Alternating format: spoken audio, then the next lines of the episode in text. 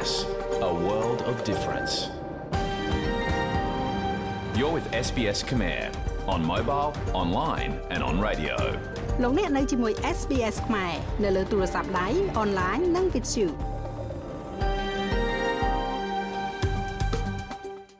យើងខ្ញុំសូមទទួលស្គាល់ទំនៀមទម្លាប់ប្រពៃណីទឹកដីដែលយើងកំពុងតែផ្សាយចេញពីថ្ងៃនេះ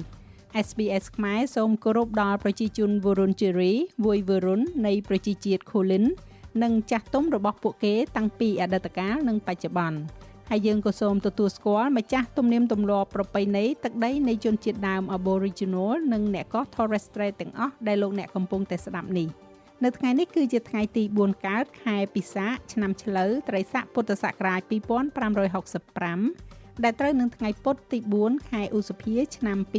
2022នាងខ្ញុំហៃសុផារនីសូមនាំមកជូននៅកម្មវិធីផ្សាយដែលមានជាបន្តបន្ទាប់ដូចតទៅ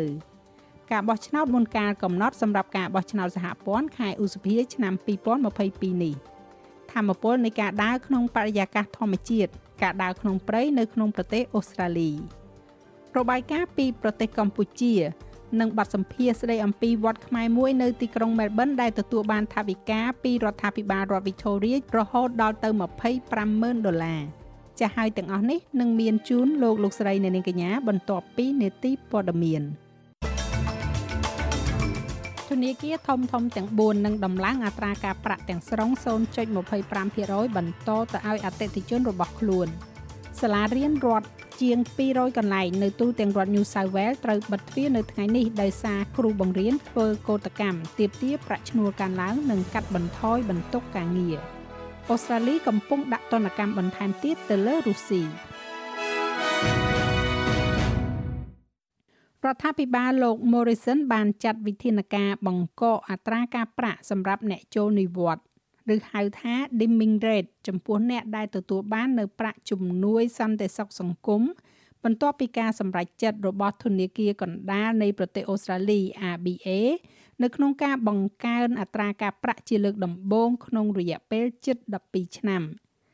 អត្រាដែលត្រូវបានប្រើប្រាស់ដើម្បីកំណត់ប្រាក់ចំណូលពីទ្រព្យសម្បត្តិហិរញ្ញវត្ថុឬហៅថា dimming rate នេះនឹងត្រូវបានបង្កកសម្រាប់រយៈពេល2ឆ្នាំខាងមុខ លោកនាយករដ្ឋមន្ត្រី Scott Morrison មានប្រសាសន៍ថានេះនឹងធានាបាននៅការផ្ដល់នៅប្រាក់ជំនួយដល់អ្នកចូលនិវត្តន៍វ័យចំណាស់ឬ age pension និងអ្នកដែលទទួលបាននៅប្រាក់អត្ថប្រយោជន៍ផ្សេងទៀតគឺមិនត្រូវបានកាត់បន្ថយឡើយ This will benefit around 890នេះនឹងផ្ដល់អត្ថប្រយោជន៍ដល់ប្រជាជនអូស្ត្រាលីប្រហែលជា890,000នាក់រាប់បញ្ចូលទាំងអ្នកចូលនិវត្តន៍វ័យចំណាស់450,000នាក់ផងដែរ។ ឥឡូវនេះវាបន្ថែមលើការផ្លាស់ប្ដូរដែលយើងបានធ្វើចំពោះប័ណ្ណសុខភាពមនុស្សចាស់ឬ Senior Health Card របស់ Commonwealth ដែលនឹងឃើញអ្នកចូលនិវត្តន៍ដែលផ្ដល់មូលនិធិដោយខ្លួនឯងយ៉ាងច្រើនចំនួន50000នាក់អ្នកដែលមានលទ្ធភាពទទួលបាននៅប្រាក់សោធននិវត្តន៍ផ្នែកខ្លះចូលប្រើប្រាស់នៅប្រាក់ជំនួយទាំងនេះពីប័ណ្ណសុខភាពមនុស្សចាស់របស់រដ្ឋាភិបាល Commonwealth គេរំពឹងថាការបង្កអត្រាការប្រាក់ dimming rate សម្រាប់អ្នកចូលនិវត្តន៍នេះនឹងអនុវត្តចំពោះមនុស្ស885,000នាក់ជាមួយនឹងអត្រាការប្រាក់ទាប lower dimming rate កំណត់នៅត្រឹម0.25%ខណៈដែលអត្រាខ្ពស់ upper dimming rate នឹងនៅត្រឹម2.25%ទន្ទឹមនឹងនេះដែរក្រុមបកប្រឆាំងបានថ្កោលទោសចំពោះការកើនឡើងនៅអត្រាការប្រាក់របស់ ABA ដោយមេដឹកនាំបក Labor លោក Anthony Albanese បាននិយាយថាការសម្រេចចិត្តនេះនឹងធ្វើឲ្យប្រជាជនអូស្ត្រាលីរាប់លាននាក់ជួបការលំបាកនៅក្នុងជីវភាពរស់នៅទន្ទឹមនឹងនេះហេរ៉ាញិកសហព័ន្ធលោក Josh Frydenberg និងអ្នកនាំពាក្យរដ្ឋាភិបាលបក Labor លោក Jim Chalmers ប្រជុំមុខគ្នានៅក្នុងការជជែកដេញដោលនៅឯក្លឹបសារព័ត៌មានជាតិនៅថ្ងៃនេះ។ លោក Frydenberg បាននិយាយការពីការគ្រប់គ្រងសេដ្ឋកិច្ចរបស់រដ្ឋាភិបាលលោកដោយប្រាប់បណ្ដាញ Nine Network ថាពួកគេកំពុងតែគ្រប់គ្រងសេដ្ឋកិច្ចក្នុងស្ថានភាពលំបាកខ្លាំង The COVID pandemic, the war in Ukraine ជំងឺរាតត្បាត COVID សង្គ្រាមនៅអ៊ុយក្រែនគឺជាកត្តាចម្បងដែលជំរុញឲ្យមានអតិផរណាខ្ពស់នៅទូទាំងពិភពលោកហើយអ្នកបានលើការពីម្សិលមិញពីធនាគារកណ្ដាលនៅក្នុងពាក្យរបស់ពួកគេដែលថា កត្តាជំរុញចម្បងចម្បងនៃអតិផរណាខ្ពស់គឺជាកត្តាសកលដូច្នេះបាក់ Labor នឹងស្វែងរកការរិះគន់យើងនៅពេលដែលអត្រាការប្រាក់ធ្លាក់ចុះហើយពួកគេនឹងព្យាយាមរិះគន់យើងនៅពេលដែលអត្រាការប្រាក់កើនឡើងផងដែរប៉ុន្តែវាមិនសមហេតុសមផលទាល់តែសោះនៅក្នុងការរំពឹងថាអត្រាសាច់ប្រាក់សង្គ្រោះបន្ទាន់ដែលមានអត្រាត្រឹមតែ0.1%នេះនឹងនៅដដែលរហូតនោះ លោក Jim Chalmers អ្នកនាំពាក្យរដ្ឋាភិបាលនៃបក Labor បានប្រាប់ ABC ថាភាពជឿជាក់របស់លោកនាយករដ្ឋមន្ត្រីត្រូវបានកាត់ផ្តាច់ not just by the interest rate decision that was taken yesterday វាមិនមែនគ្រាន់តែជាការសម្រេចចិត្តលើអត្រាការប្រាក់ដែលត្រូវបានធ្វើឡើងកាលពីម្សិលមិញប៉ុណ្ណោះទេ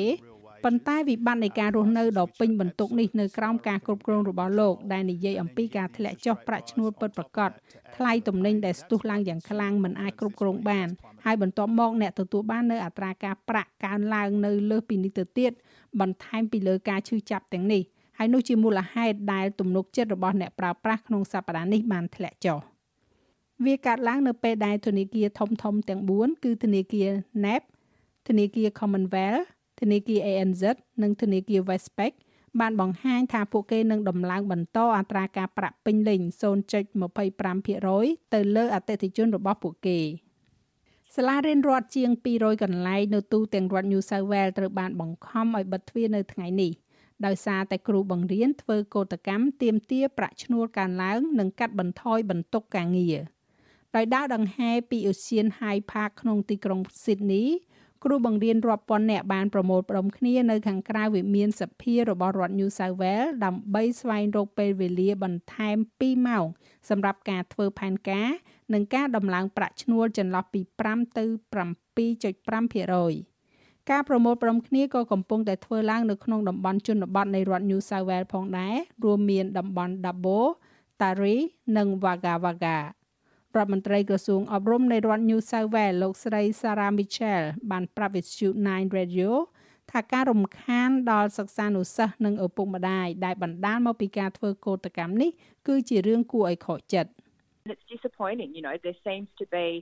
វាជារឿងដែលខកចិត្តអ្នកដឹងថាវាហាក់បីដូចជាមានការបដិញ្ញាចិត្តមួយ ពួកគេបដូរអ្វីៗទាំងអស់ជាមួយនឹងការរំខាននិងសកម្មភាពឧស្សាហកម្មនេះកតកម្មដែលកំពុងកើតឡើងសប្តាហ៍នេះការដើរចេញដែលបន្តធ្វើនៅពេលដែលសមាជិកសភារដ្ឋាភិបាលទៅលេងសាលារៀននេះការបដិសេធមិនអនុវត្តគោលនយោបាយថ្មីថ្មីណាមួយ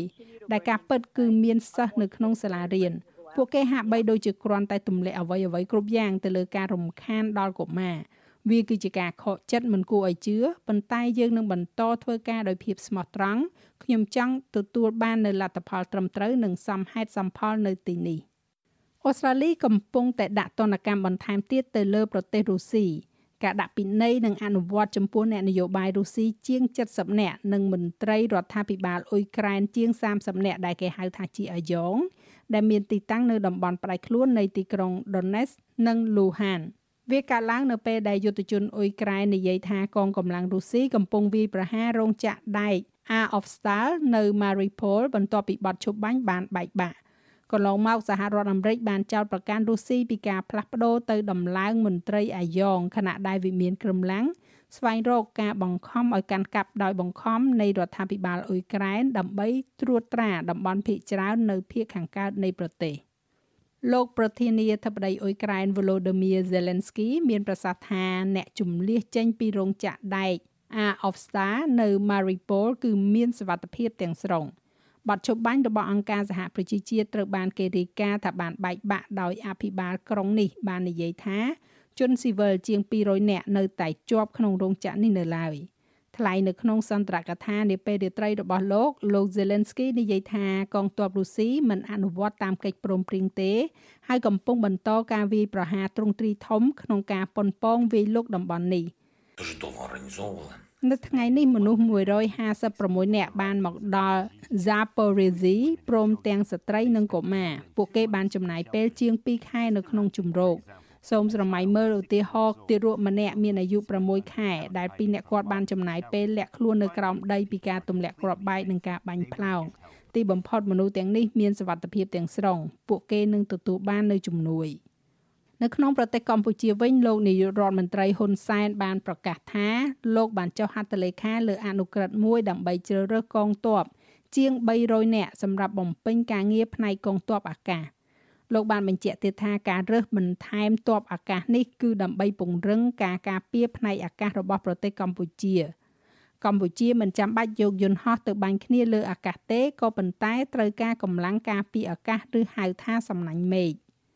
ប៉ុន្តែនិយមន័យអំពីសំណាញ់មេឃដែលខ្ញុំចង់និយាយនៅទីនេះបានសង្កេតថាកម្លាំងការពារអាកាសដែលទៅពីខាងក្រៅ កម្ពុជាអត់ត្រូវការចាំបាច់យកយន្តហោះទៅបាញ់គ្នាលើអាកាសទេត្រូវការកម្លាំងការពារអាកាសដែលខ្ញុំហៅថាសំណាញ់មេឃចាស់លោកមេងផាឡានឹងជួនសេចក្តីរាយការណ៍លម្អិតនៅវគ្គក្រោយបន្ថែមទៀតឬលោកអ្នកអាចចូលស្ដាប់របាយការណ៍ពេញលើគេហទំព័រ sbs.com.au/ ខ្មែរនៅក្នុងវិស័យកីឡាវាយកូនបាល់ Tennis កីឡាករ Novak Djokovic បានឆ្លងផុតជុំទី3នៃព្រឹត្តិការណ៍ Madrid Open កីឡាករលំដាប់លេខ1ពិភពលោករូបនេះបានយកឈ្នះកីឡាករជនជាតិបារាំង Gael Monfils ដោយលទ្ធផល6ទល់នឹង3និង6ទល់នឹង2ក្នុងជុំទី2 Djokovic មិនមែនថាលេងដោយគ្មានកំហុសនោះទេប៉ុន្តែលោកបានគ្រប់គ្រងការប្រកួតរបស់ខ្លួនបាននៅក្នុងគ្រាសំខាន់សំខាន់ខណៈដែល Monfils ប្រព្រឹត្តនៅកំហុសច្រើនពេក ជ័យជំនះនេះបានបង្ហាញពីការបរាជ័យលើកទី18ជាប់ជាប់គ្នារបស់ Monfils ក្រោមដៃ Djokovic ដែលជាកំណត់ត្រាដ៏អាក្រក់បំផុតប្រឈមទៅនឹងគូប្រជែងតែមួយដែលមិនបានទទួលជ័យជំនះសោះនៅក្នុងយុគសម័យនៃការប្រកួត Open វាមានន័យថាតារាវាយកូនបាល់សញ្ជាតិសេប៊ីរូបនេះនឹងត្រូវប៉ះគ្នាជាមួយនឹងកីឡាករអង់គ្លេស Andy Murray នៅក្នុងវគ្គបន្ទាប់ យើងក៏លេខមើលអត្រាប្តូរប្រាក់វិញ1ដុល្លារអូស្ត្រាលីមានតម្លៃប្រមាណជា71សេនប្រាក់ដុល្លារអាមេរិកត្រូវនឹង2870រៀលប្រាក់រៀលខ្មែរ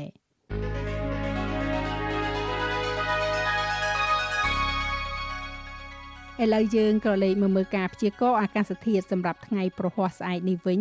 ទីក្រុងផឺតបើកថ្ងៃល្អ22អង្សាអាដាលេដមានរលឹម15អង្សាមែលប៊នរលឹមខ្លាំងឡើងខ្លាំងឡើង15អង្សា រលឹមនៅ Hobart 14អង្សា អាចនឹងមានរលឹមនៅ Canberra 15អង្សារលឹមដូចគ្នានៅ Sydney 23អង្សារលឹមខ្លាំងឡើងខ្លាំងឡើងនៅ Brisbane 27អង្សា ទីក្រុង Cairns មានពពកដោយពេល30អង្សា Darwin ភាគច្រើនបើកថ្ងៃ35អង្សា និងទីក្រុងភ្នំពេញមានផ្គររន្ទះ33អង្សា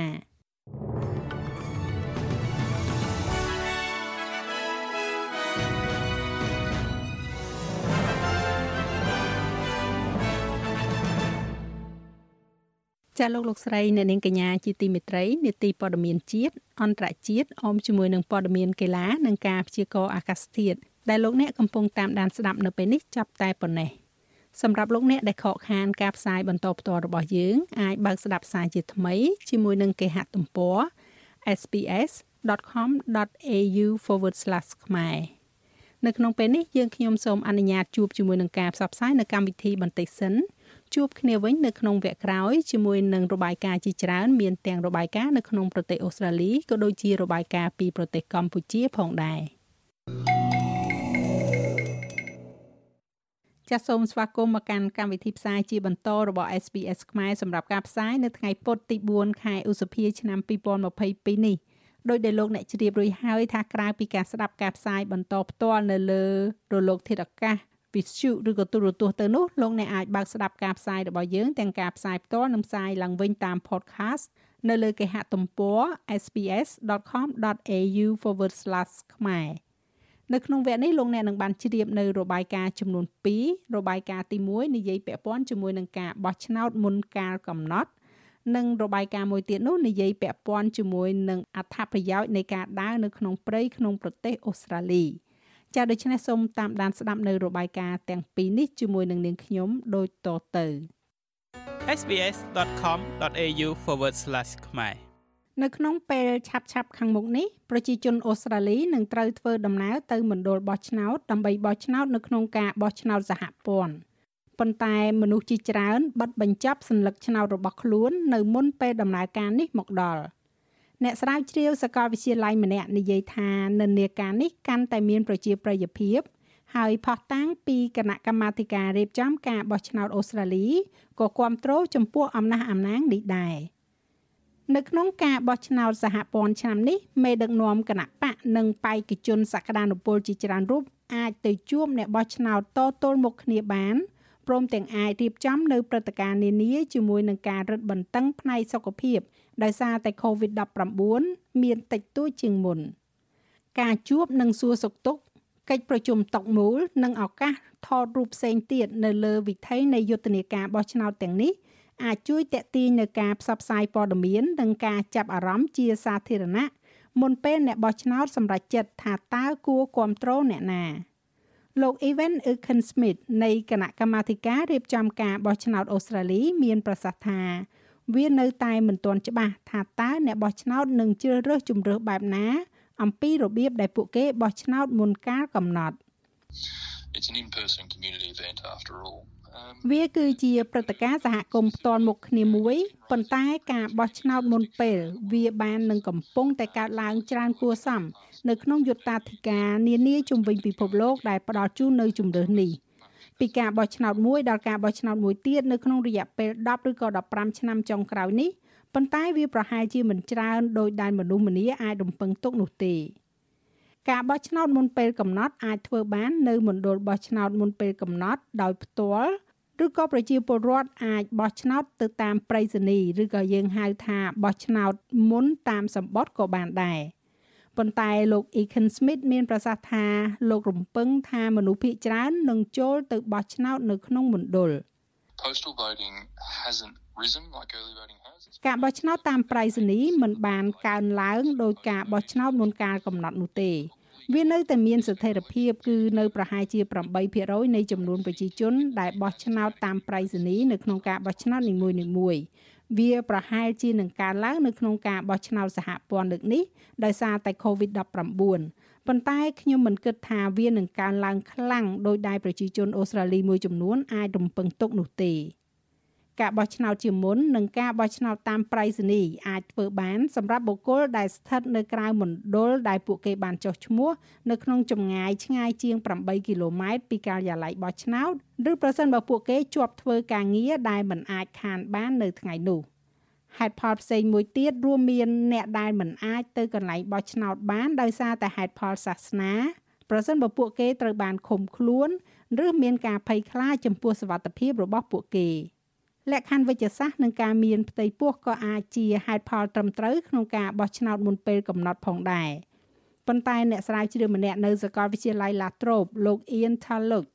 មានប្រសាសន៍ថាការបោះឆ្នោតមុនពេលកំណត់ផ្លាស់ប្ដូរនៅ dynamic នៃយុទ្ធនាការបោះឆ្នោតសហព័ន្ធ In the past uh, say 20 years ago កាលពីមុនខ្ញុំចង់និយាយកាលពី20ឆ្នាំមុន នៅមុនពេលបោះឆ្នោតមុនកាលកំណត់ គណៈបកធំធំតែងតែធ្វើសេចក្តីប្រកាសធំមួយនៅសប្តាហ៍ចុងក្រោយនៃយុទ្ធនាការបោះឆ្នោតដើម្បីព្យាយាមគូសធីកនៅលើសัญลักษณ์ឆ្នោតប៉ុន្មានសัญลักษណ៍ចុងក្រោយនោះប៉ុន្តែឥឡូវនេះពួកគេពិតជាត្រូវធ្វើការប្រកាសទាំងនោះនៅមុនពេលចាប់ផ្ដើមការបោះឆ្នោតមុនពេលកំណត់ការបោះឆ្នោតមុនពេលកំណត់នឹងដំណើរការរយៈពេល2សប្តាហ៍រហូតដល់ថ្ងៃបោះឆ្នោតគឺចាប់ពីថ្ងៃច័ន្ទទី9ខែឧសភានេះទៅ រហូតដល់ថ្ងៃបោះឆ្នោតនៅថ្ងៃសៅរ៍ទី21ខែឧសភាហើយសម្រាប់ព័ត៌មានបន្ថែមលោកអ្នកអាចរកបាននៅលើគេហទំព័រតាមអនឡាញរបស់គណៈកម្មាធិការរៀបចំការបោះឆ្នោតអូស្ត្រាលីហៅកាត់ថា AEC នោះគឺ aec.gov.au ចាស់ហើយរបាយការណ៍នេះចងក្រងឡើងដោយ Stephanie Cossetti សម្រាប់ SBS News ហើយប្រាយសម្រួលសម្រាប់ការផ្សាយរបស់ SBS ខ្មែរដោយនាងខ្ញុំហៃសុផារ៉ានី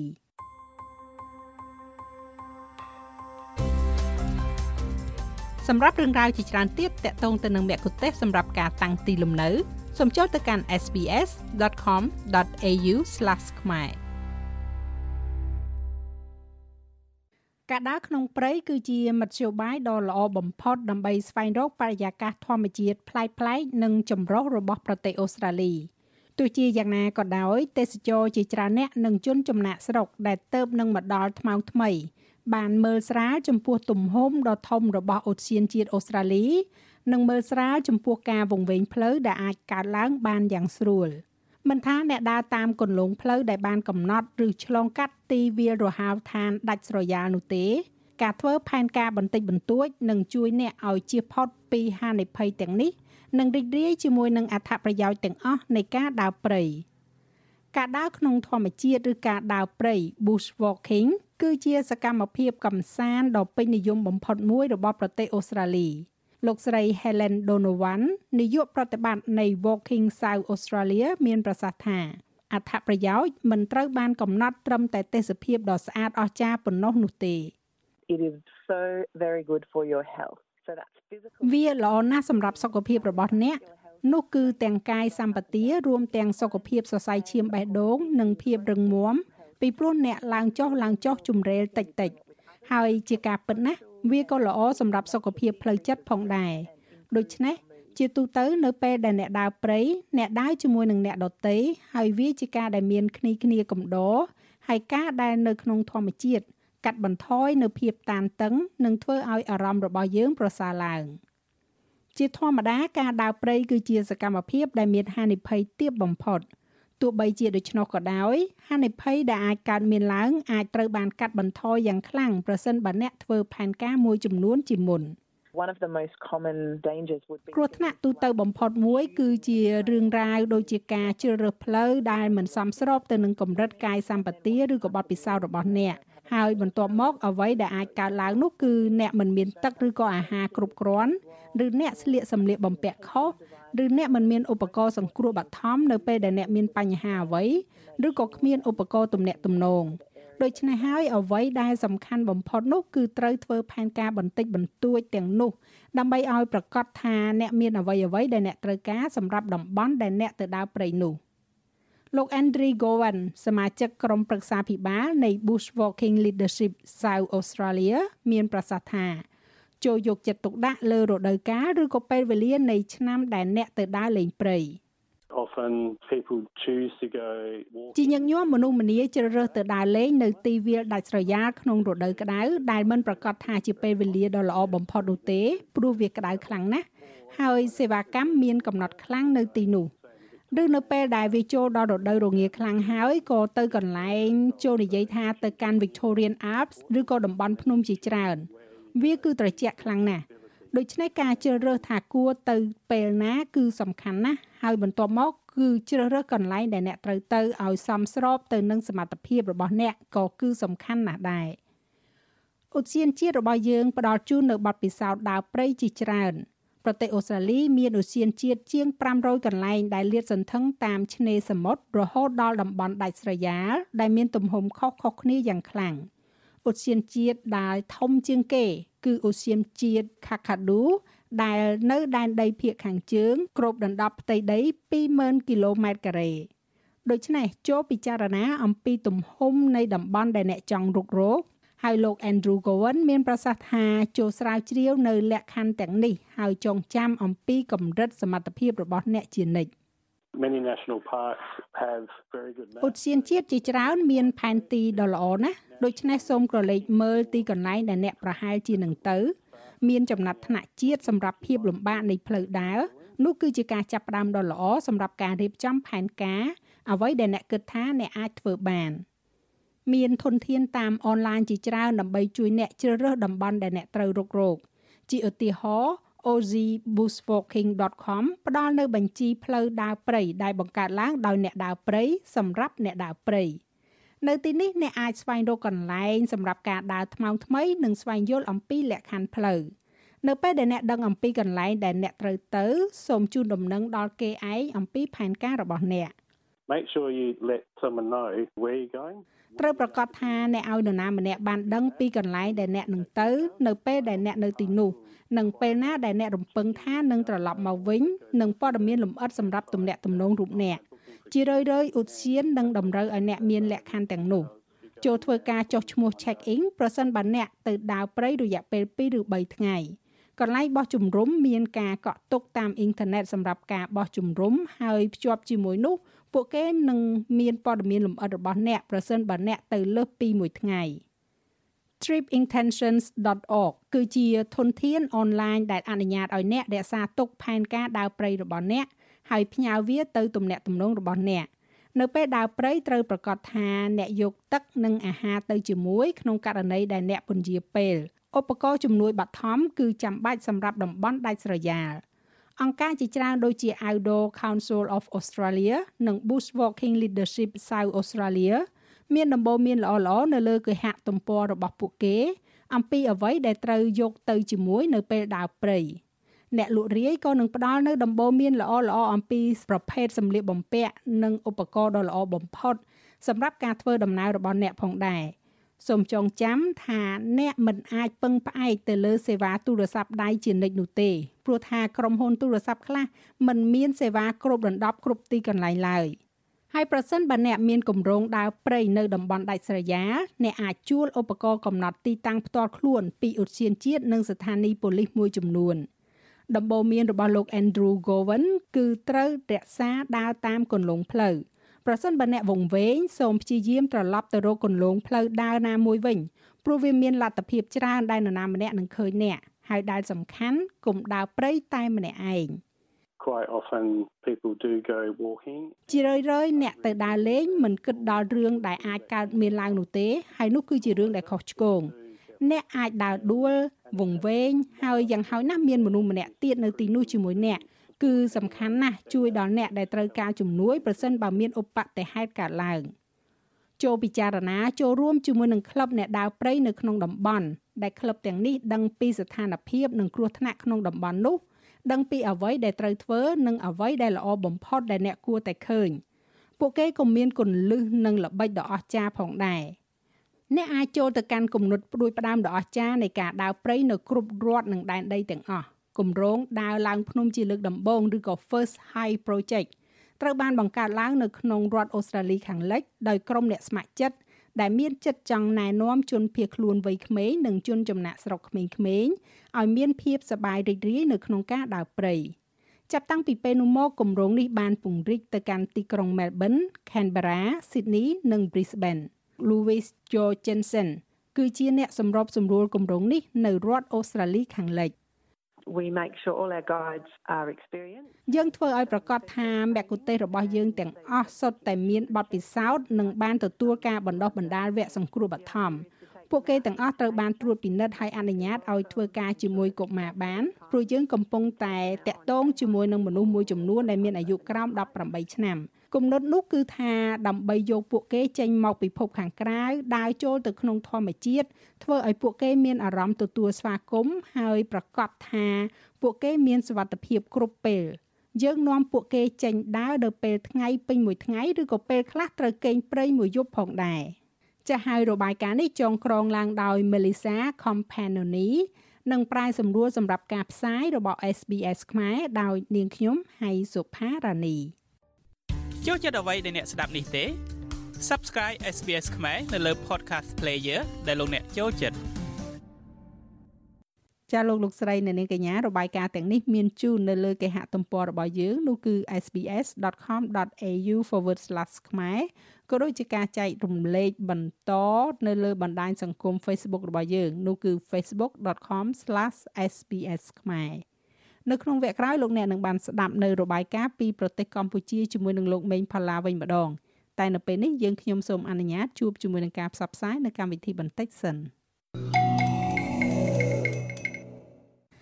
ចាស់លោកលោកស្រីអ្នកនាងកញ្ញាជាទីមេត្រីសូមស្វាគមន៍មកកាន់កម្មវិធីផ្សាយជាបន្តទៀតរបស់ SPS ខ្មែរដែលធ្វើការផ្សាយបន្តផ្ទាល់នៅរៀងរាល់ថ្ងៃពុធនិងថ្ងៃសុក្រវេលាម៉ោង3ដល់ម៉ោង4រសៀលម៉ោងស្តង់ដារអូស្ត្រាលីខាងកើត តាមរលកកម្ពស់1107ប៉ុស AM សម្រាប់អ្នករស់នៅទីក្រុង Sydney និង1224ប៉ុស AM សម្រាប់អ្នករស់នៅទីក្រុង Melbourne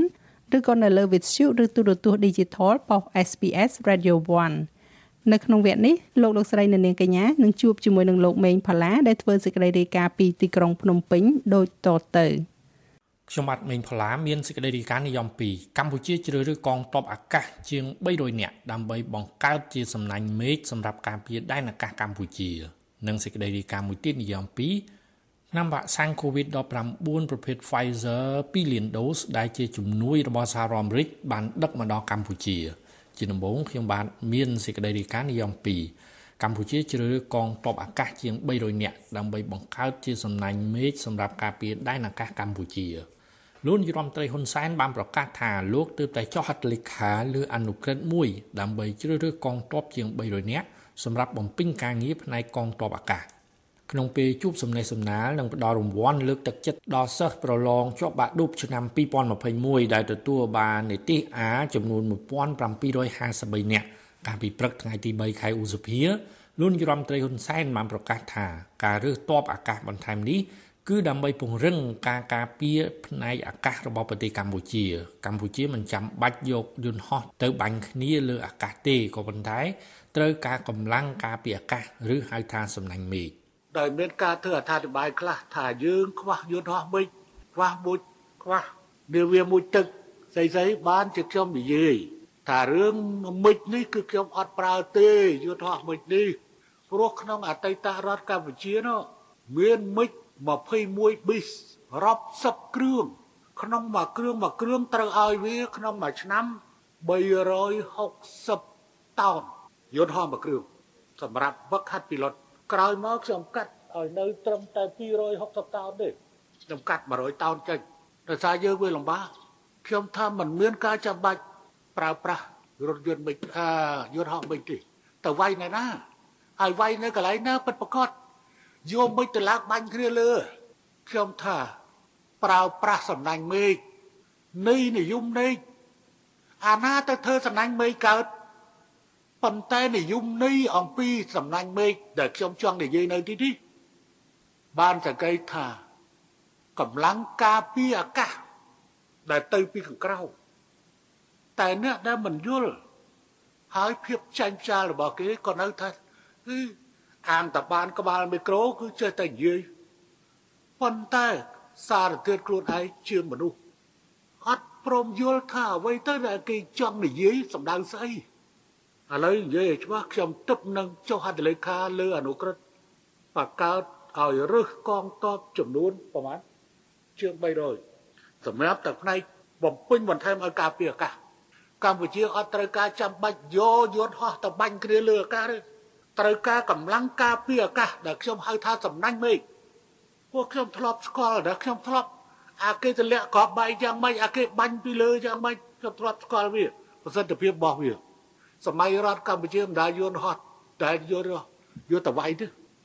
សូមជម្រាបជូនថាលោកនាយរដ្ឋមន្ត្រីហ៊ុនសែនធ្លាប់បានថ្លែងថាទោះបីកម្ពុជាក្លាយជាមហាអំណាចយោធាលើពិភពលោក ក៏កម្ពុជាមិនគ្រប់គ្រងនយោបាយលើកទឹកចិត្តឲ្យកងទ័ពទៅឈ្លានពានប្រទេសដទៃនោះឡើយក្នុងន័យនេះកម្ពុជាមិនត្រូវការយន្តហោះចម្បាំងនោះទេក៏ប៉ុន្តែកម្ពុជាត្រូវការរៀបចំសំណាញ់មេឃដើម្បីការពារការរំលោភបំពានលើដែនអាកាសរបស់ខ្លួនយក sbs.com.au/ ខ្មែរជាគេហទំព័របើកចូលដំបងរបស់អ្នកនៅលើអនឡាញ អ្នកនឹងទទួលបានព័ត៌មានចុងក្រោយបទយការចូលរួមបោះឆ្នោតមតិផ្សេងផ្សេងឬតាក់ទងមកកម្មវិធីរបស់យើង sbs.com.au/ ខ្មែរ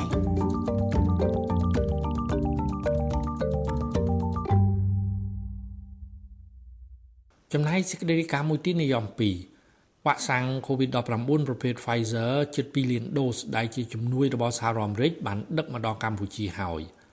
ពិធីប្រគល់នឹងទទួលថ្នាំវ៉ាក់សាំងបង្ការជំងឺ Covid-19 ចំនួន2លានដូសដែលជាជំនួយរបស់សហរដ្ឋអាមេរិកតាមរយៈមជ្ឈមណ្ឌល COVAX បានធ្វើឡើងនៅឯអាកាសយានដ្ឋានអន្តរជាតិភ្នំពេញនៅព្រឹកថ្ងៃទី3ខែឧសភាឆ្នាំ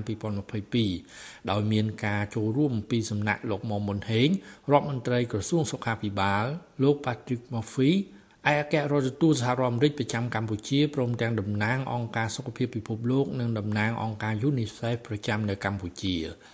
ដ្ឋមន្ត្រីក្រសួងសុខាភិបាលលោកមុំមុនហេងរំពឹងថាថ្នាំវ៉ាក់សាំងទាំងនេះនឹងបម្រើដល់ការចាក់ជូនប្រជាពលរដ្ឋខណៈដែលគិតត្រឹមចុងខែមេសាកម្ពុជានៅសល់ថ្នាំវ៉ាក់សាំងក្នុងឃ្លាំងប្រមាណជាង8លានដូសសម្រាប់បន្តចាក់ជូនប្រជាពលរដ្ឋរាជរដ្ឋាភិបាលកម្ពុជាក្រោម បានចាប់ផ្ដើមយុទ្ធនាការចាក់វ៉ាក់សាំង COVID-19 ចាប់តាំងពីថ្ងៃទី10ខែកុម្ភៈឆ្នាំ2021តាមអភិក្រមការរីកដែលជាដាក់ការដាក់ចេញបាទពោះពោះដល់សម្ដេចអគ្គមហាសេនាបតីតេជោហ៊ុនសែននាយករដ្ឋមន្ត្រីនៃប្រជាជាតិកម្ពុជាក្នុងការវត្តផែនការជាតិស្តីពីយុទ្ធនាការចាក់វ៉ាក់សាំង COVID-19 គោលការណ៍ណែនាំប្រតិបត្តិសម្រាប់យុទ្ធនាការផ្តល់វ៉ាក់សាំងបង្ការ COVID-19 និងពតិសាស្តីពីយុទ្ធនាការវ៉ាក់សាំង COVID-19 ផែនការមេសម្រាប់យុទ្ធនាការចាក់វ៉ាក់សាំង19ក្នុងក្របខ័ណ្ឌទូទាំងប្រទេសនិងផែនការយុទ្ធសាស្ត្រស្តីពីយុទ្ធនាការជាតិចាក់វ៉ាក់សាំង19ដែលបង្កើននូវភាពសមសហគមន៍អាចឲ្យកម្ពុជាបើកឡើងវិញនៅសេដ្ឋកិច្ចសង្គមចាប់តាំងពីខែវិច្ឆិកា 2021នេះគឺជាលើកទី2ហើយដែលសហរដ្ឋអាមេរិកតាមរយៈមជ្ឈមណ្ឌល COVAX ផ្ដល់ជំនួយថ្នាំវ៉ាក់សាំង COVID-19 ដល់រាជរដ្ឋាភិបាលកម្ពុជាបន្ទាប់ពីជំនួយលើកទី1គឺថ្នាំវ៉ាក់សាំងប្រភេទ Johnson Johnson ចំនួនជាង1លានដូសកាលពីខែកក្កដានិងខែសីហាឆ្នាំ2021ត្រូវបានដឹកជញ្ជូនមកដល់កម្ពុជាចំណែកលោក Patrick Murphy ឯកអគ្គរដ្ឋទូតសហរដ្ឋអាមេរិកប្រចាំកម្ពុជាបានបញ្ជាក់ថាសហរដ្ឋអាមេរិក បានចាត់ទុកការសម្រេចបាននៅសន្តិសុខផ្នែកសុខភាពជាអាទិភាពខ្ពស់មួយនិងបន្តធ្វើការជាមួយដៃគូនៃយន្តការ COVAX ដើម្បីធានាឲ្យប្រជាជនជុំវិញពិភពលោកទទួលបាននៅថ្នាំវ៉ាក់សាំងប្រឆាំង COVID-19 លោកឯកអគ្គរដ្ឋទូតសហរដ្ឋអាមេរិកបន្តថាសហរដ្ឋអាមេរិកបញ្ជាក់ជាថ្មីនៅការបដិញ្ញាចិត្តដ៏យូរអង្វែងរបស់ខ្លួនចំពោះសុខភាពនិងសុខុមាលភាពរបស់ប្រជាជនកម្ពុជា Today we celebrate the arrival of 2 million Pfizer doses and with this contribution the United States reaffirms our long-standing commitment to the health and to the well-being of the Cambodian people. បាទថ្ងៃនេះយើងអបអរសាទរការមកដល់នៅវ៉ាក់ស៊ីនប្រភេទ Pfizer ចំនួន2លានដូសដែលជាការចូលរួមចំណែករបស់សហរដ្ឋអាមេរិកនៅក្នុងការបដិញ្ញាចិត្តរយៈពេលវែង ចំពោះសុខាភិបាល និងសុខុមាលភាពរបស់ប្រជាជនកម្ពុជាសហរដ្ឋអាមេរិកបានចូលរួមចែករំលែកវ៉ាក់សាំងដែលមានប្រសិទ្ធភាពនិងសុវត្ថិភាព ជាង500លានដូសមកហើយដល់ប្រទេសចំនួនជាង110ប្រទេសដោយមិនមានគិតប្រាក់អ្វីទាំងអស់ហើយជាការចូលរួមចំណែកដល់សេដ្ឋកិច្ចជុំវិញពិភពលោកផងដែររួមទាំងវ៉ាក់សាំងចំនួន3លានដូសជូនដល់កម្ពុជាតាមរយៈ COVAX គូបញ្ជាក់ថាគិតរហូតមកទល់ពេលនេះកម្ពុជាមានថ្នាំវ៉ាក់សាំង COVID-19 ប្រមាណជាង73លានដូសដោយរួមមានទាំងជំនួយទ្វេភាគីជំនួយតាមមជ្ឈមណ្ឌល COVAX និងការបញ្ជាទិញដោយផ្ទាល់ក្នុងនោះថ្នាំវ៉ាក់សាំងជាង53លានដូសបានមកដល់និងប្រើប្រាស់ជាបន្តបន្ទាប់ចំណែកថ្នាំវ៉ាក់សាំង COVID-19 ជាង20លានដូសទៀតនឹងមកដល់កម្ពុជាជាបន្តបន្ទាប់ដោយឡែកគិតត្រឹមចុងខែមេសាឆ្នាំ2022នេះ កម្ពុជានៅសល់ថ្នាំវ៉ាក់សាំងក្នុងឃ្លាំងប្រមាណជាង8លានដូសសម្រាប់បន្តចាក់ជូនប្រជាពលរដ្ឋកម្ពុជាមកដល់ពេលនេះចាក់វ៉ាក់សាំងបង្ការជំងឺ Covid-19 ចាប់ពីអាយុ3ឆ្នាំឡើងទៅ បានជិត15លាននាក់ក្នុងនោះកុមារអាយុចាប់ពី3ឆ្នាំដល់ក្រោម5ឆ្នាំ ចាក់2ដូសចាប់ពីអាយុ5ឆ្នាំដល់ក្រោម18ឆ្នាំចាក់3ដូសនិងចាប់ពីអាយុ18ឆ្នាំឡើងទៅត្រូវចាក់វ៉ាក់សាំងម្នាក់4ដូសក្នុងនោះ ជំនួយថ្នាំវ៉ាក់សាំងបង្ការជំងឺ Covid-19 ប្រភេទ Pfizer ដែលជាជំនួយរបស់ប្រទេសអូស្ត្រាលីជាង2លាន3សែនដូសដែលបានបញ្ជូនមកដល់កម្ពុជា កាលពីថ្ងៃទី26និងថ្ងៃទី28ខែធ្នូឆ្នាំ2021ត្រូវបានកម្ពុជាប្រើប្រាស់ជាដូសជំរុញទី4ខ្ញុំមេងផល្លា SBS រាយការណ៍ពីរាជធានីភ្នំពេញ ចាសសូមអរគុណលោកមេងផល្លាហើយរបាយការណ៍ទាំងអស់នេះគឺមានជូននៅលើគេហទំព័ររបស់យើងគឺ sbs.com.au/ ខ្មែរនៅពេលនេះយើងខ្ញុំសូមអនុញ្ញាតជួបជាមួយនឹងការផ្សព្វផ្សាយនៅកម្មវិធីបន្តិចសិនជួបគ្នាវិញនៅក្នុងវគ្គក្រោយជាបន្តទៀតនៅក្នុងការប្រកាសកញ្ចប់ថវិការបស់រដ្ឋ Victoria នៅថ្ងៃទី3ខែឧសភានេះ រដ្ឋាភិបាលបានផ្ដោតជាសំខាន់ទៅលើការចំណាយខាងវិស័យសុខាភិបាលក្រោយពីមានការឆ្លងរាលដាលនៃ COVID-19 និងការវឹកវើបុគ្គលិកបន្ថែមនៅក្នុងវិស័យនេះ។អ្វីដែលខ្មែរយើងចាប់អារម្មណ៍ខ្លាំងនោះវត្តពុទ្ធរាំងសីមែលប៊នក៏ទទួលបាននៅថវិការហូតដល់ទៅ250,000ដុល្លារសម្រាប់ជួសជុលសាងសង់កន្លែងក្មេងលេងឬហៅថា playground នៅក្នុងបរិវេណវត្តនេះផងដែរ ចាសសូមស្ដាប់នៅបទសម្ភាសន៍រវាង SBS ខ្មែរជាមួយនឹងលោកតាក់មេងហៀងដែលជាសមាជិកសភានៃតំបន់ Clarinda ដូចតទៅ ចាសសូមជម្រាបសួរលោកតាក់មេងហៀងចាសបាទសូមជម្រាបសួរអ្នកស្រីហៃសុផារនីនិងជម្រាបសួរដល់ប្រិយមិត្តរបស់អ្នកស្រីផងដែរបាទចាសសូមអរគុណច្រើនលោកតាក់មេងហៀងដែលបានផ្ដល់កិត្តិយសចូលរួមជាមួយនឹង SPS ខ្មែរនៅក្នុងពេលនេះហើយយើងដឹងហើយថាកញ្ចប់ថវិកាទៅតែបានអនុម័តទៅ កាលពីរសៀលថ្ងៃអង្គារតើការចំណាយធំធំគឺផ្ដោតសំខាន់ទៅលើចំណុចអ្វីខ្លះដែរលោកចា៎បាទពិតណាស់គឺយើងទៅតែបញ្ចប់នៅការប្រជុំឬមួយក៏ហៅថាឆ្លង សភាតកតូនជាមួយនឹងគម្រោងថវិកាចំណាយប្រចាំឆ្នាំ2022 2023អានឹងគឺដូចជាក្រុមគ្រួសារយើងអញ្ចឹងដែរគឺថានៅក្នុងមួយឆ្នាំមួយឆ្នាំហ្នឹងយើងត្រូវធ្វើគម្រោងចំណាយដែលចាំបាច់នៅក្នុងក្រុមគ្រួសារហើយរដ្ឋាភិបាលក៏ដូចគ្នាមួយឆ្នាំមួយឆ្នាំគឺយើងធ្វើគម្រោងចំណាយជាក់ស្ដែងហើយនឹងគម្រោងចំណាយទៅអនាគតនៅស្អីស្ថានីនៅក្នុងថ្ងៃនេះ គឺខ្ញុំមានការពេញចិត្តខ្លាំងក្នុងនាមជាសមាជិកសភាតំណាងឲ្យសម្លេងប្រជាជននៅក្នុងមណ្ឌលរបស់ខ្ញុំនឹងដោយឃើញថាគម្រោងថវិកាកញ្ចប់នេះផ្ដោតខ្លាំងទៅលើសុខភាពរបស់ប្រជាជននៅក្នុងរដ្ឋវិកតូរីយ៉ាយើងបាទចា៎ ដូច្នេះគឺយើងឃើញថាការចំណាយឬក៏គម្រោងចំណាយហ្នឹងគឺទី1គឺដើម្បីបន្តនៅការទប់ទល់រឿង COVID ហើយនឹងការស្ដារប្រព័ន្ធសុខាភិបាលរបស់យើងឡើងវិញដូច្នេះហើយបានជាឃើញថវិកាគម្រោងចំណាយរហូតដល់4.2ពាន់លានដុល្លារ តាក់ទងជាមួយនឹងការទប់ស្កាត់ហើយនឹងការបន្តទប់ស្កាត់លើវិបត្តិ COVID នៅក្នុងរដ្ឋយើងហើយជាត្រួសត្រាសអ្វីដែលសំខាន់អ្នកស្រីហៃសផាននេះគឺមានគម្រោងរហូតទៅដល់ផ្ដល់ការងារទៅដល់អ្នកធ្វើការផ្នែកខាងសុខាភិបាលហ្នឹងរហូតដល់7000អ្នកនៅក្នុង7000អ្នកហ្នឹងគឺ5000អ្នកនឹងធ្វើម៉េចពង្រីកទៅលើកិច្ចលៀននុបដ្ឋាយការយើងហៅថា nurse ហើយសំខាន់ជាងនឹងទៅទៀតហ្នឹងគឺថាដោយសារតែ2ឆ្នាំកន្លងមកនេះអ្នកដែលត្រូវធ្វើការវះកាត់ដោយជ្រើសរើសយើងហៅថា elective elective surgery ហ្នឹងត្រូវបានពជាពេលឬមួយក៏ខកខានដោយសាររឿង COVID នេះ អញ្ចឹងហើយគឺដើម្បីជួយឲ្យអ្នកដែលរងចាំនៅក្នុងបញ្ជីគាត់អាចធ្វើការវះកាត់តកតមួយសុខភាពរបស់គាត់ហ្នឹងគឺនឹងមានថវិកាកញ្ចប់ផ្ដោតទៅលើការវះកាត់រហូតទៅដល់40000ការវះកាត់បាទហើយបន្ថែមអ្នកស្រីហេតុផលនេះគឺ400អ្នកសម្រាប់អ្នកធ្វើការដើម្បីឆ្លើយទូរស័ព្ទយើងហៅថាទូរស័ព្ទ emergency 03ដងហ្នឹងដោយសារតែកន្លងមកហ្នឹងគឺដោយសារតែអ្នកធ្វើការផ្នែកខាងសុខាភិបាលគ្រប់តាំងតែពីមន្ទីរពេទ្យតាំងតែពីឡានសង្គ្រោះបន្ទាន់យើងហៅថា ambulance ហើយនឹងបុគ្គលិកជំនួយផ្សេងទៀតហ្នឹងគឺមានការខើចដូច្នេះគឺផ្ដល់ការងារបន្ថែមរហូតដល់400អ្នកផងដែរហើយមួយទៀតគឺផ្ដល់កន្លែងធ្វើការឬមួយក៏យើងហៅជួលបន្ថែម400នាក់ផ្នែកខាងមើលថែ សុខភាពផ្លូវចិត្តដោយសារតែយើងដឹងថាឆ្លងកាត់រឿង COVID 2ឆ្នាំកន្លងនេះប៉ះពាល់ច្រើនទៅលើសុខភាពផ្លូវចិត្តអញ្ចឹងហើយបានជារដ្ឋាភិបាលផ្ដោតលើការសុខាភិបាលរបស់ប្រជាជននៅក្នុងរដ្ឋយើងបាទចាស់ហើយជននៅក្នុងតំបន់ Clarinda របស់លោកផ្ទាល់វិញតើទទួលបានអ្វីជាពិសេសដែរទេលោកចាស់ អឺបើតកតងជាមួយនឹងមណ្ឌលរបស់ខ្ញុំផ្ទាល់ដែលយើងហៅជាមណ្ឌលឈ្មោះថា Clarinda ដែលមាន suburb មានដេញ suburb ដូចជា Clayton Clayton South Moorabbin Cheltenham រហូតទៅដល់ Springvale South ហើយបែកខ្លះនៃ Nova Park ហើយនឹងផ្នែកតូចមួយនៃ Keysborough ហើយនឹង Dingley Village ផងដែរហ្នឹងគឺមានថវិកាកញ្ចប់សម្រាប់ដល់ការជួសជុលសាលាឡើងវិញដូចជាសាលាមួយនៅក្នុងមណ្ឌលរបស់ខ្ញុំបឋមសិក្សាឈ្មោះ Kingston Heath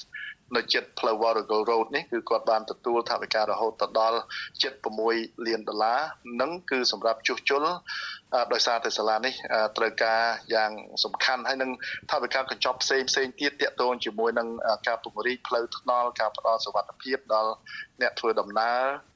ជាច្រើនផ្សេងផ្សេងទៀតក៏ប៉ុន្តែអ្វីដែលជឿចង់ជម្រាបអ្នកស្រីផងដែរនៅក្នុងថ្ងៃនេះហ្នឹង ថាតាមរយៈកញ្ចប់ថវិកានៃក្រសួងពហុវប្បធម៌គឺវត្តពពុទ្ធរាំងសី Melbourne ឬក៏យើងហៅថាវត្ត Clark Road ឬក៏វត្តធំគាត់បានអឺទទួលនៅកញ្ចប់ថវិកាជំនួយ សម្រាប់អឺឲ្យ ក្មេងលេងហ្នឹងយើងហៅថា playground ហ្នឹងអឺរហូតទៅដល់250,000ដុល្លារកញ្ចប់ថវិកានេះគឺជាការឆ្លើយតបទៅនឹងសំណុំពរសេចក្តីត្រូវការរបស់ទីវត្តអារាមដោយសារតែរដ្ឋាភិបាលនៃលោក Daniel Andrews គាត់បានដឹងយល់ច្បាស់អំពីតម្រូវការនៅក្នុងសហគមន៍របស់យើងជាពិសេសសហគមន៍ពហុវប្បធម៌ដែលត្រូវការទីធ្លាសម្រាប់ឲ្យ កុមារឬមួយក៏កូនក្មេងគាត់មានកន្លែងលេងពេលដែលឪពុកម្ដាយឬមួយក៏យាយជីដូនជីតាដែលជាពុទ្ធបរិស័ទហ្នឹងគាត់ទៅកម្មវិធីនៅក្នុងវត្តដែលជាកម្មវិធីសាសនាឬក៏កម្មវិធីសង្គមនោះបាទចាចាលោក តមិញហៀងដូច្នេះថវិកា250,000ដុល្លារដែលផ្ដល់ជូនទៅខាងវត្តពុទ្ធរាំងសីមែលប៊នឬក៏យើងហៅថាវត្តធំហ្នឹងគឺនឹងផ្ដល់ជូននៅក្នុងឆ្នាំហ្នឹងតែម្ដងសម្រាប់ការសាងសង់ playground ឲ្យកុមារហ្នឹងឬក៏នឹងទទួលបាននៅពេលណាដែរលោកចា៎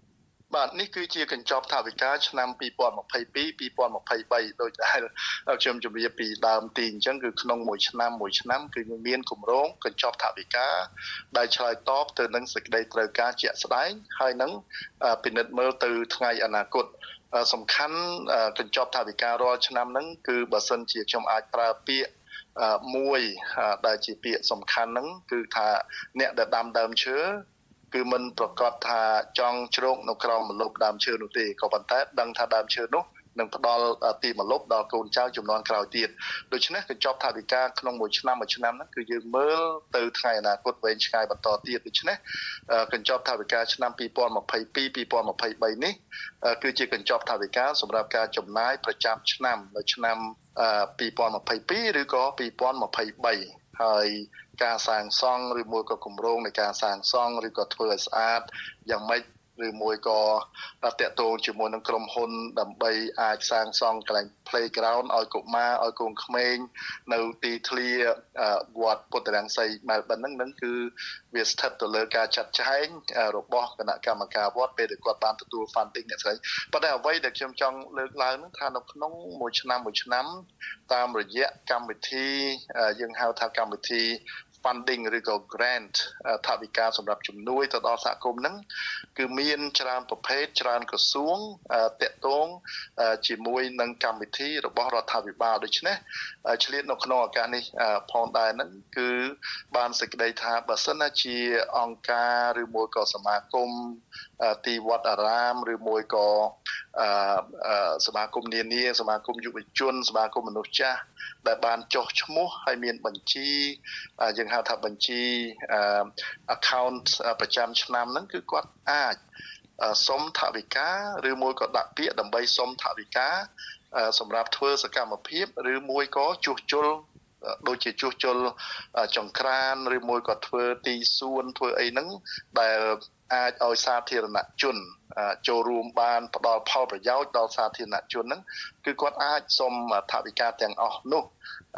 ដើម្បីយកមកគ្រប់គ្រងដល់កម្មវិធីរបស់គាត់ដូច្នេះគឺខ្ញុំសូមលើកទឹកចិត្តឲ្យសហគមន៍ខ្មែរយើងដែលមានប្រមាណជា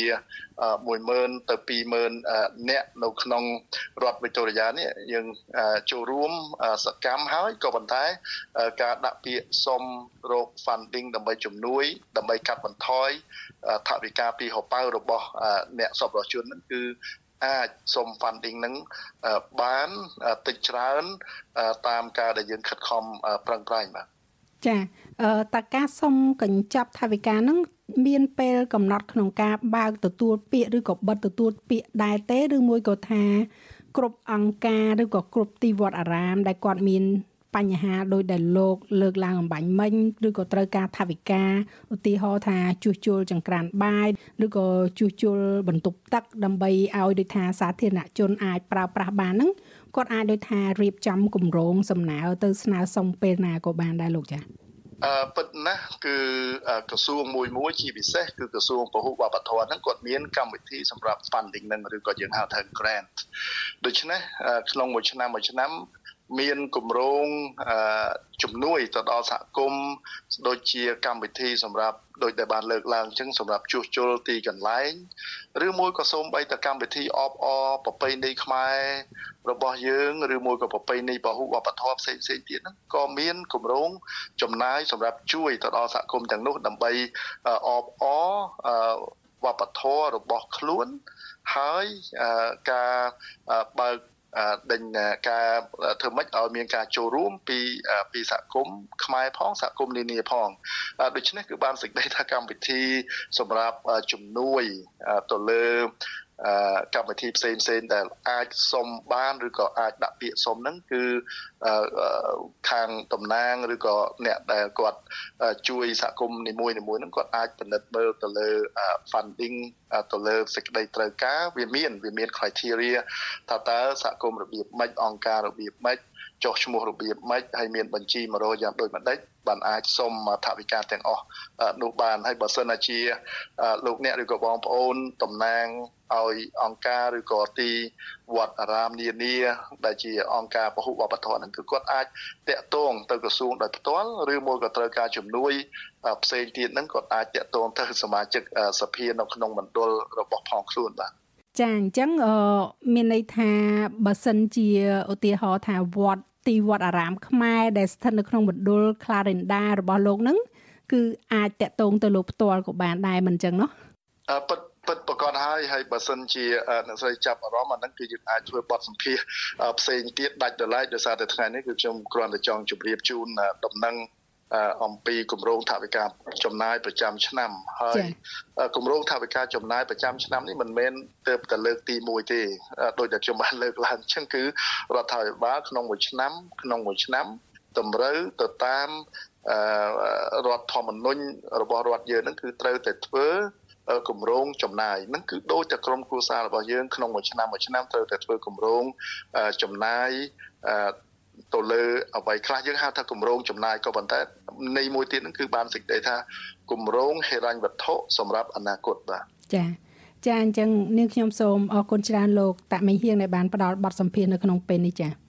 បាទសូមអរគុណចាអរគុណជម្រាបលាលោកចា៎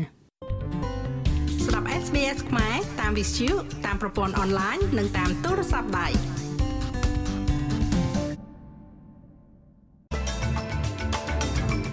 ធនាគារធំធំទាំង4នឹងដំឡើងអត្រាការប្រាក់ទាំងស្រុង0.25%បន្តទៅឲ្យអតិថិជនរបស់ខ្លួនសាលារៀនរដ្ឋជាង200កន្លែងនៅទូទាំងរដ្ឋ New South Wales ត្រូវបិទទ្វារនៅថ្ងៃនេះដោយសារគ្រូបង្រៀនធ្វើកោតកម្មទាមទារប្រាក់ឈ្នួលកើនឡើងនិងកាត់បន្ថយបន្ទុកការងារអូស្ត្រាលីកំពុងដាក់ទណ្ឌកម្មបន្ថែមទៀតទៅលើរុស្ស៊ី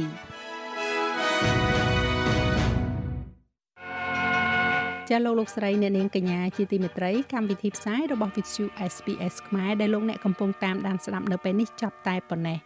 យើងខ្ញុំសូមថ្លែងអំណរគុណចំពោះប្រិយមិត្តទាំងអស់ដែលតែងតែយកចិត្តទុកដាក់តាមដានស្ដាប់នៅការផ្សាយរបស់យើងតាំងពីដើមរហូតមក មិនថាការផ្សាយបន្តផ្ទាល់នៅលើវិទ្យុទូរទស្សន៍ឬក៏ការផ្សាយនៅលើគេហទំព័រតាមអនឡាញគឺ sbs.com.au/